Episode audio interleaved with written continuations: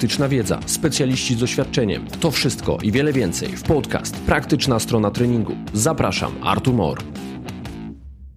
Hello, welcome in special episode from Houston in Texas. Today with me and Tomasz in front of the microphone is former director of conditioning for the Chicago White Sox and director of athletic development for the New York Met, expert in training industry, author of books and articles, director of Gambetta Sports Training System and founder of Gambetta Athletic Improvement Network, GAIN.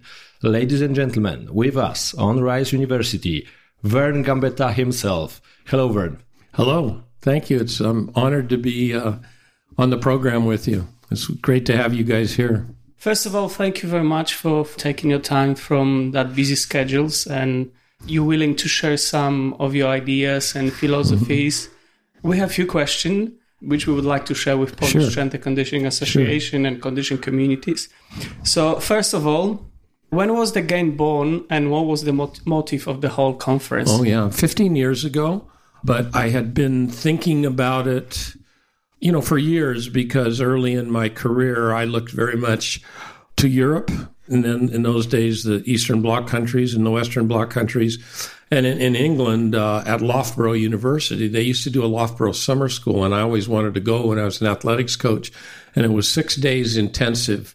And I thought, jeepers, if someday we could do this, and then I taught a workshop for many years, two days, called Building and Rebuilding the Complete Athlete. And we used to say eight hours a day. And we used to say, geez, wouldn't this be really neat if we could do it for five days? So finally, 15 years ago, we did. And the idea is to have a professional development network for coaches, for physios, for doctors, chiropractors, you know, everybody involved, physical educators, to be able to come together and learn and share. The sharing leads to the learning, doesn't it? So that was the motivation. And I have to say, it's exceeded my expectations in some regards. This has been, as I was saying to you before we went live, you, don't have a frame of reference, but I do. It's really been the best one because there's been more sharing. More sharing. Yeah, yeah. All right. Thank you, Vern. In private conversation, you told us that you've been inspired by few Polish names mm-hmm. from the mm-hmm. past. For me, it means that we have longer strength and conditioning tradition than the most of young Polish coaches thinks. Vern, can you mention about it again? Well, that's what's amazing to me, how the younger coaches, Polish coaches, and there was an athletics coach that was working with a, a young man a few years ago in Scotland, and I started mentioning names. You guys correct me if I'm wrong. Tadeusz Starzyński, who was Józef Szmidt's coach, which to me, he should there should be a statue somewhere in Poland 56, 60, 64 gold medals in a triple jump. And I got a chance to go to this program in 72 where Starzyński was in the U.S. They had a translator and it changed my whole mindset. Here's a great jumper and I never saw lift anything heavier than 50% of body weight. And then a year later, I got Gerard Mach, who was Polish and came to Canada as their national sprint coach and eventually their national coach. Well, I trained with a bunch of Canadians, and then about four years later, I went to a two day workshop that he did, and then later we were in a training camp. And both of those people, and, I know she's an icon in pose and arena. Uh, it was Kirszenstein and then Szewińska. And uh, I tried to find out because that lady was an impressive athlete. So I wanted to find, and that's also Gerard Mach had an influence on her. But you know, she won medals in the long jump, one, two, and eventually the 400. And uh, you always look at, and then there was a her great her Grażyna uh, Rabsztyn, I think is how you say it. And uh, again, looking at her training, and I go, this this is where the rhythm and the tempo ideas come. So you have such a rich, tra- and then volleyball, because I was I'd always peripherally done something with volleyball, both indoors first and then beach of late. And your country has such a rich tradition in power and jumping and, you know, and that. And I'd run into different Polish coaches and, and pole vault. Uh, I can't remember uh, the famous pole vault coach who coached Kozakiewicz, right? Kozakiewicz yeah. came That's to the States. My I can't speak Polish, but I pro by pronunciation. So it was very, very interesting because it was very different. than the Western approach was get as strong as you can in the weight room and hope it transfers. Yeah. And they they were uh, it just had a huge influence influence on my career. So yes, long answer, but yes, I'm very no, thankful. That's, very that's, thankful. That's great. So we talk a little bit about the past. We would also um, like to tell you and, and you actually tell us what you think. At the moment, we have big community in Poland which does a lot with uh, load monitoring. So oh. during your presentation, you very smoothly move over that slide. So we would like to ask you in short version. What do you think about that? Well, um, how can that influence the training? Why mm-hmm, do you mm-hmm, think mm-hmm. maybe is useful? Why maybe is mm-hmm, not mm-hmm, as important as we mm-hmm. all think? All the subject, objective data. Yeah, not so much load monitoring, but what comes out of it, load management, and trying to. And uh, it's been used very negatively. I'm 75 years old. I've been coaching for 54 years, and there's many things 50 years ago I dreamed about. And Sometimes dreams turn into nightmares and now we can measure everything. You tell me we can go to an engineer of sports sciences, they can come up with a measure. I say, and I don't know how this will translate, is the measurement meaningful? And I know I've never been around a great athlete. You saw the film of the young lady that won the silver medal. Eh, the emphasis always what Emma, what can you do? What can you do?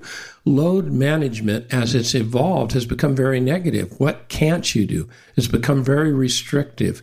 And what we're doing, because we're trying to keep the athlete healthy by restricting workload, we're actually increasing injuries because you have, there's a certain level or threshold you have to train to to be resilient and injury resistant. It's not just my opinion. Franco Impellizzeri, Impellizzeri, now in Australia, along with Aaron Coutts and others, have been very, very critical of some of the research literature that's it's very questionable. And again, who writes the algorithms? So I always say be an informed skeptic. I believe, and I've had the opportunity to interact with some great sports scientists, but I also know that every great athlete I've been around, load management was never a factor. We just carefully planned the training, monitored the training. So I hope that makes sense. Yeah. yeah. yeah. Yesterday, during this um, lecture, do's and don'ts in training, yeah.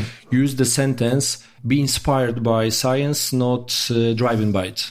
Right. Be informed by science. Informed, yeah. And not driven by it. And I like to think that, I mean, in my bag here, I have seven scientific studies. I try to read, well, I don't say always once a day, but I try to read three current sports science or something related to sports science every week, current literature, and or speak to somebody. And I've certainly I can point to various points in my career where literally either a research study or being able to participate has really changed what I'm doing. But I think it's more to be informed. I'm not going to let it drive me because if you look carefully at a lot of the studies, they're short term, they're not high level athletes. So I, I, I, really like to look more at at uh, longitudinal training, which was very prevalent in the European coaching literature. You know, for a long time before the wall came down, and we were able to get a lot of stuff in translation. So here's four years of somebody's training, and and then the re- important thing, the reason why, the reason why. I have last question give us top three tips, advices of how to be a better coach and pathways for personal development uh, okay. for coaches. First of all, find a mentor, somebody who has gray hair or no hair. it's about me who's, who's, and you, Tomasz. Who's done it and, have, and, and is willing to share both success and failures. Okay, not just somebody who's an internet guru or something like that. The beauty of you, of being in Europe and where you are, in essence, you're a two hour train ride away from a lot of really good people, I think, in my estimation. So that's one thing. Observe every time you can, go observe good coaches coach. Go observe good coaches coach multiple sports, no matter what your specialized sport is. You know, go outside your sport and sometimes go way outside your sport. If you're if you're a sprint coach, Go off and look at cross country skiing. Go off and look at different things, and you're going to pick up little insights. And and then the uh, the third one is establish your own network. That's what Gain is about. Now you have people that you can contact. I'm just trying to get on the phone with with Dean Benton, who's worked with Ellyse Perry, who's here, to share with him what I've seen of Ellyse this week because I I've never seen her in person. So I think those are for me, and that that's what I've always tried to do in my career. And maybe fourthly is mm-hmm. be humble. This has been almost embarrassing for me. Some of the things that people are saying. It, look at how many years. Well, I've had other great athletes, but this girl Emma's Emma Wyatt is she's really special. But she's the product of 50 years of learning. You know, that didn't yeah. happen overnight. So anyway, Vern, we just stole 15 minutes uh, of your time. Oh, Thank you very much for it. Thank you. Uh, we appreciate it. For me, mission accomplished. All right. Uh, I just okay. did interview with you, okay. and I'm very happy. Thank you for your time, and see you on the next edition of Gain. Hopefully. Okay. Yes, and please stay in touch. I mean, I again, I sincerely uh, am very grateful for the the things that I've learned from the the great Polish athletes and coaches that I know of and been able to interact with. So, and you guys carry on that tradition. That's great. So, that's great. Thank you.